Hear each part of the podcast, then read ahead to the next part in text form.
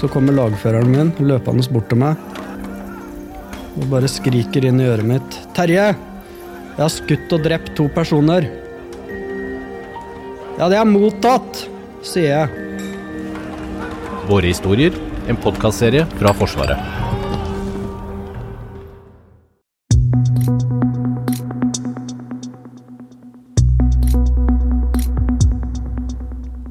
I dag er det ett år siden det brøt ut krig i Europa. Men hva er egentlig reglene for krig? Og finnes det noen regler for noe som oppleves så lovløst og brutalt som krig? Du hører på Forsvarspodden, og jeg heter Lars Hallingstorp. Camilla Guldal Cooper, du er førsteamanuensis og hovedlærer i operasjonell rett ved Stabsskolen på Forsvarets høgskole. Velkommen til Forsvarspodden. Tusen takk. Veldig hyggelig å være her. I noe så brutalt og meningsløst som krig, så finnes det også regler. Eh, Det er det vi kaller krigens folkerett. Eh, Er ikke det litt selvmotsigende? Jo, det er jo på en måte det, men så er det likevel en sånn innrømmelse at krig skjer. Det er en an mange andre prosesser og andre regler som jobber med å hindre krig.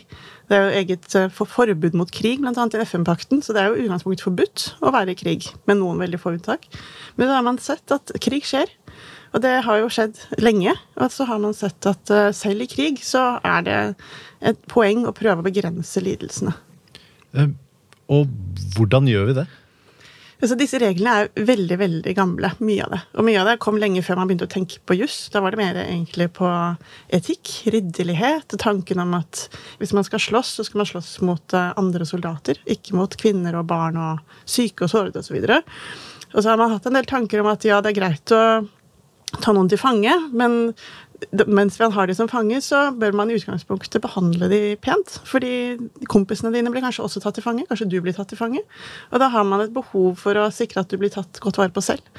Selv om krig skjer, så må man på en måte prøve å gjøre det beste ut av det. Hvor, hvorfor har vi dette systemet?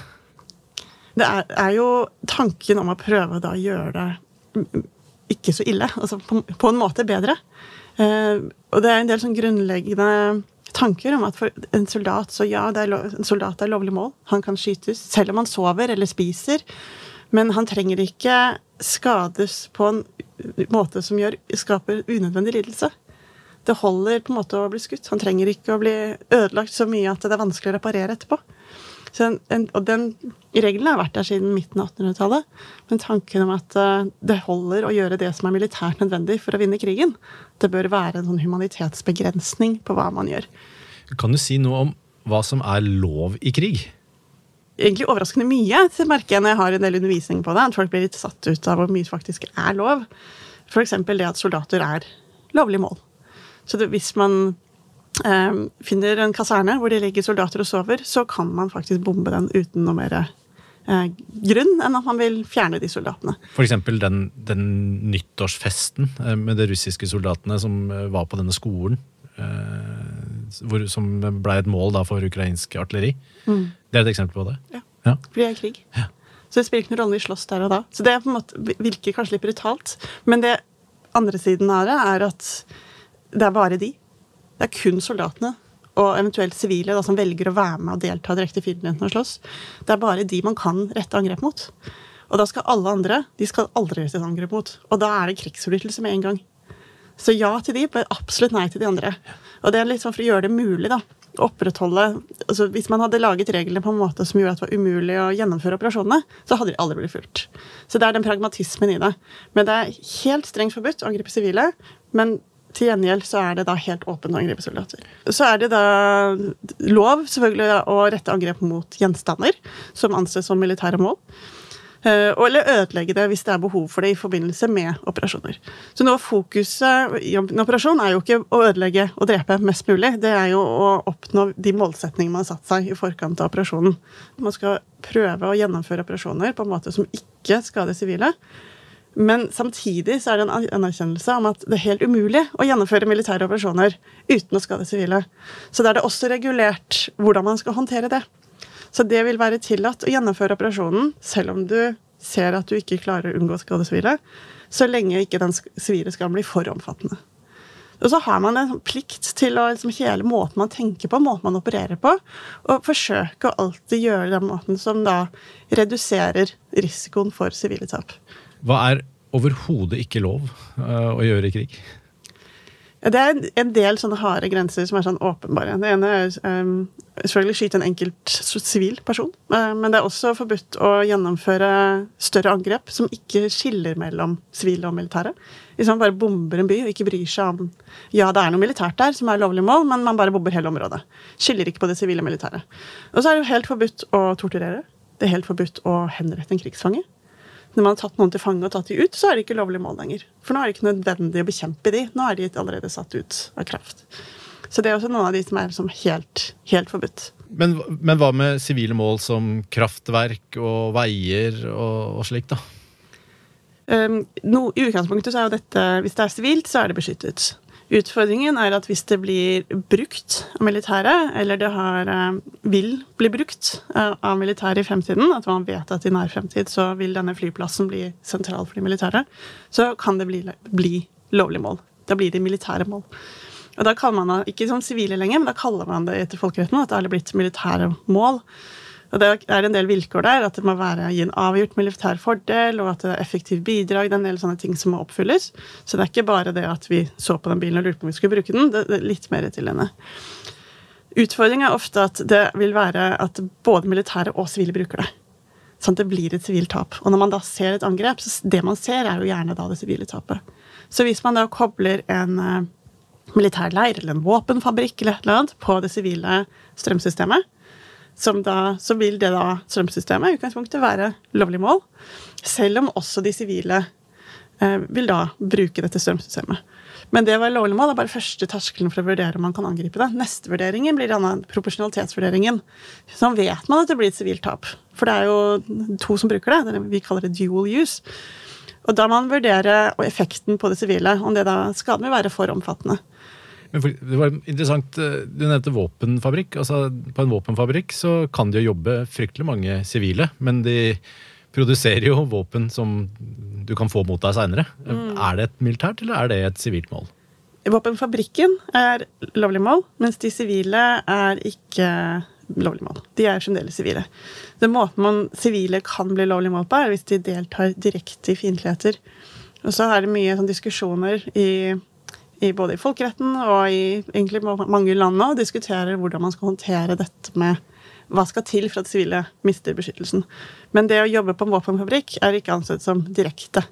De monterer våpen som kanskje, kanskje ikke skal brukes på et eller annet tidspunkt i fremtiden til et annet man ikke vet hva er akkurat nå. Så de er, de er beskyttet.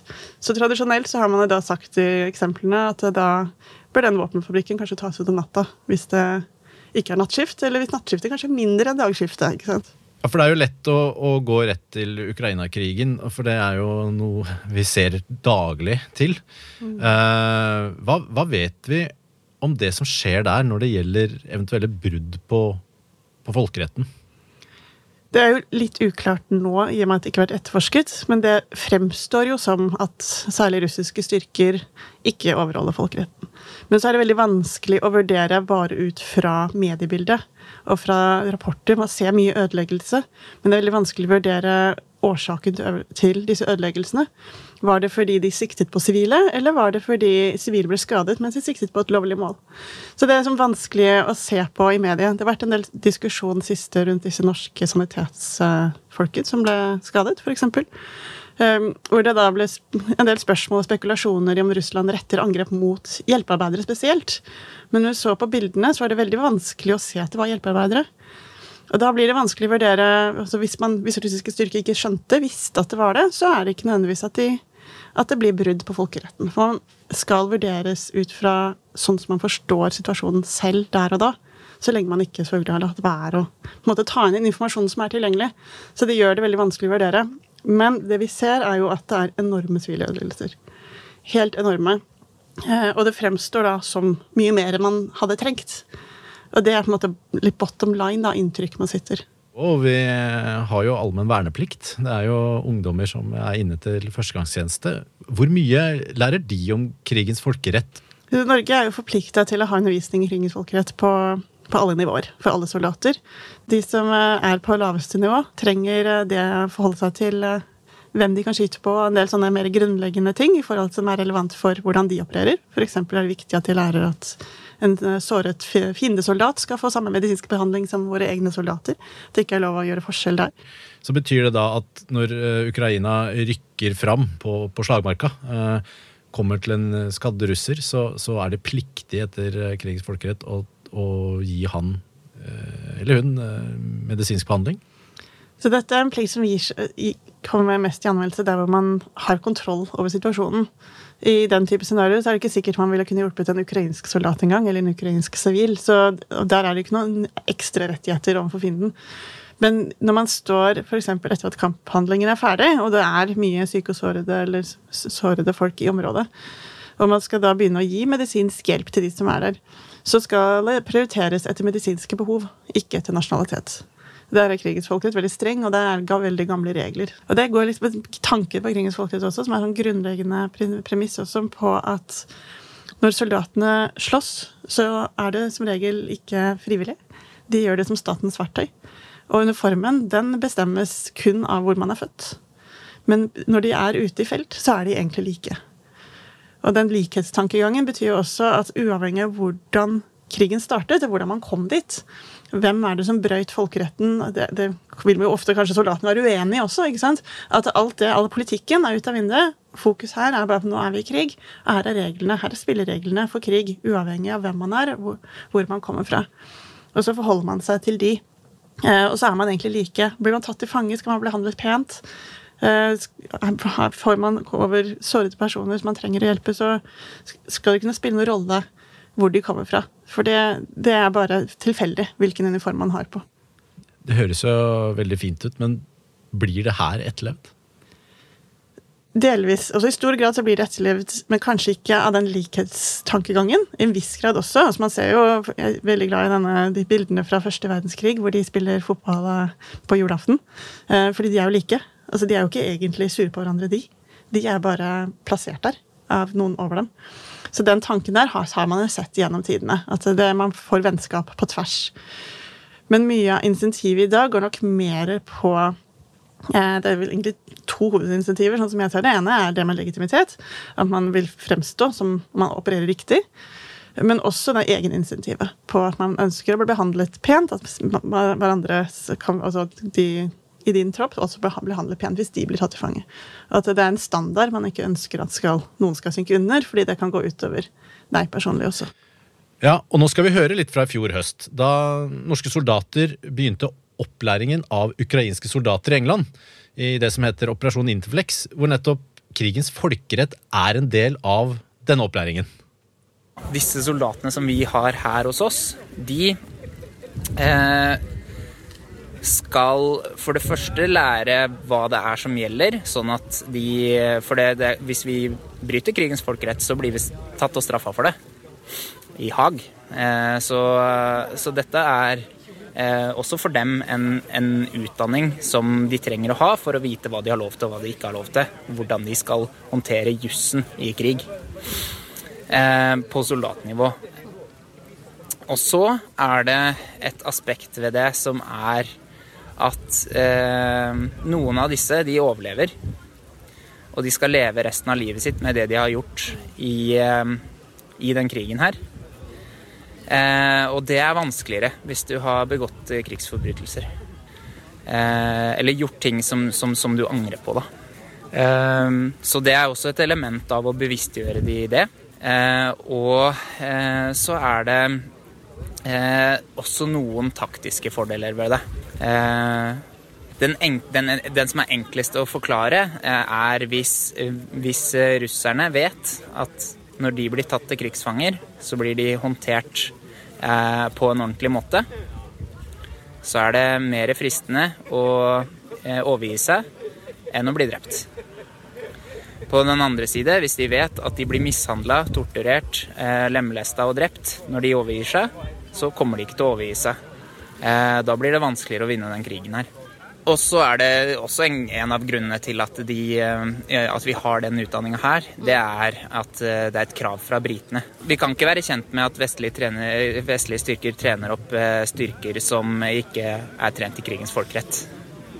Da er de per definisjon ikke soldater for en stat. Så det er en, helt, det er en grunnstein i i soldatutdanninga, rett og slett. Det de lærer av, det er det de gjør i praksis. Eh, så et eksempel som vi legger inn, det er eh, etter at de har hatt sanitetsutdanninga si nå, så kommer det til å være skadde egne, men det kommer også til å være skadde fiender. Eh, og etter krigens folkerett så er vi nødt til å behandle de på lik, lik, lik linje. De må prioriteres likt, og de som har de som trenger hjelp først, uavhengig om det er fiender eller egne, de skal få den hjelpa først.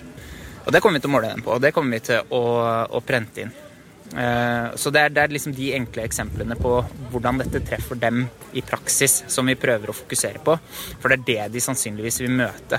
Uh, ikke de sinnssykt vanskelige justvistene og sånne ting. Det her er mer hvordan de skal forholde seg til det i, uh, i møte med andre, altså fiendens soldater. Da. Det er et spørsmål vi får fra dem, Hvorfor skal vi bry oss om det her, når fienden åpenbart ikke gjør det? Eh, og de responderer best på, på soldatnivå, det er at de er profesjonelle soldater. For det erkjenner de. Det, de, de er soldater for Ukraina, og soldater for Ukraina begår ikke krigsforbrytelser.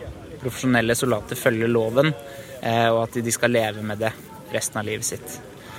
Så vi eh, har Vi koker det ned til en sånn tre, treerhuskeregel. Eh, som er eh, Hvor det første er er det lov? Eh, og der er det på en måte Der er det ofte litt sånn ja-nei-svar. Og så er det den andre spørsmålet er er det lurt? Gir det oss en fordel? Gir det en fin en fordel? og den siste er kan jeg leve med det i ettertid? Det er krig, og det er Så du, du, du, du har liksom ikke tid til å finne fram Genévekonvensjonen og slå opp i paragraf det ene eller det andre. Du må bare følge hjertet og spørre deg sjøl er det lov, er det lurt, og kan jeg leve med det.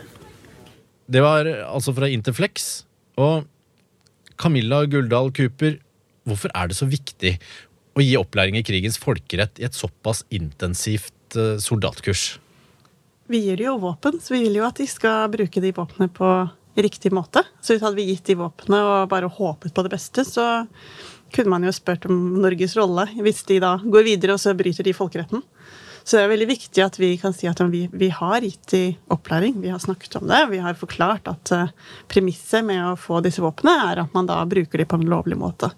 Så det er viktig for, for, Norges del. Og så er det viktig nå for å hjelpe Ukraina med det òg. Ukraina ønsker ikke å bryte folkeretten. De ønsker å fremstå som legitime, altså en lovlig aktør som opererer på riktig måte. Og de ønsker fortsatt internasjonal støtte. Men de har mobilisert ekstremt mange styrker nå med veldig lite militær utdanning, som da ikke nødvendigvis har fått denne delen, som er så viktig for å ivareta denne legitimiteten i gjennomføring av operasjonen. Med din profesjon, hva er det som overrasker deg og kanskje sjokkerer deg mest med krigen i Ukraina? Egentlig kanskje at det ble en så tradisjonell, gammeldags totalkrig. At du hadde egentlig forventet en litt mer moderne krig. Jeg hadde forventet eh, mye cyberangrep, eh, presisjonsangrep, mye mm, kanskje bruk av luftstykker. Altså ikke skyttergravskrig. Altså, vi er jo nede på skyttergravskrig. Hva, hva Med stridsvogner og hele pakka. Hva tror du om etterspillene? Tenker at det er veldig viktig å få til en form for rettsoppgjør. Jeg tenker Om det blir en sånn stor internasjonal domstol eller ikke, er ikke så viktig, men det må få konsekvenser de som har brutt krigens folkerett, om det er ukrainere eller russere, det må få konsekvenser. Særlig hvis det er så alvorlig at det er krigsforbrytelser. Men hvem, hvem, er det som etterforsker, og hvordan gjør man det? Så det er veldig mange som etterforsker her. Dette må jo være mest dokumentert i krigen noen gang. Altså alt fra disse medieglippene vi ser. Vi ser dronebilder overalt. I starten så ble det jo lastet opp veldig mye på TikTok, Snapchat, Facebook fra folk i Ukraina med alt de så. Så det er jo utrolig mye dokumentasjon her. Men det må jo da vurderes. Så det ene er selvfølgelig ukrainske myndigheter selv, som etterforsker, og som fungerer fremdeles i de områdene hvor det ikke er høye kriger. De har flyttet f.eks. domstoler vekk fra de områdene med, hvor det er veldig mye eh, kamp, kamphandlinger på gang, og så har de flytta de lenger vekk. Sånn at de kan fungere ennå. Og så startet uh, Internasjonal straffedomstolen veldig tidlig med å etterforske også.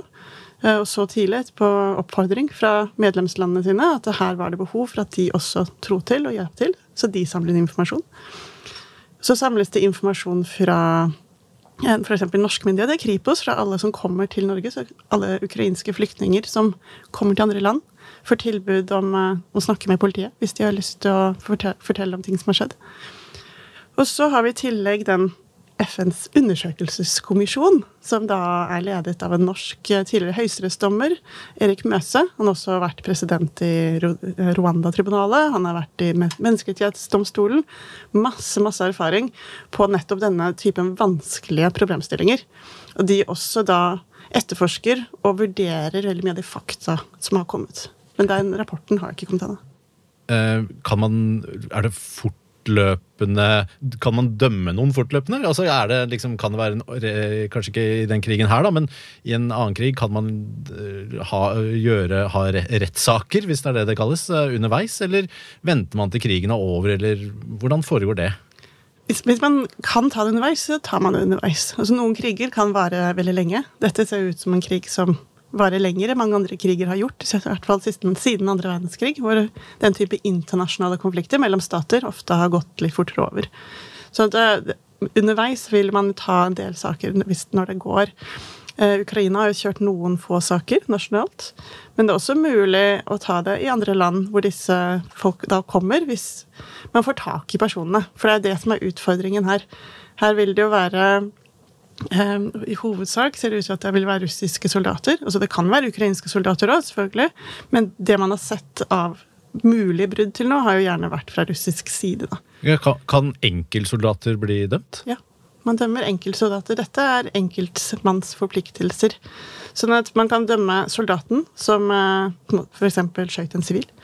Eh, man kan dømme sjefen hans som ga ordre om å skyte en sivil, altså i tillegg. Eh, eller om sjefen hans visste at han skulle gjøre det, og unnlot å stoppe det.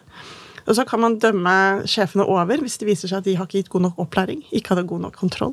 Så man kan egentlig dømme nokså mange oppover, fordi man har dette militære kommando- og kontrollsystemet som gjør at ansvaret ikke bare er på de som utøver, men også på de lenger opp. Så man kan ikke, kan ikke gjemme seg bak det at eh, jeg fikk bare en ordre? Ikke hvis det er en krigsforbrytelser, nei.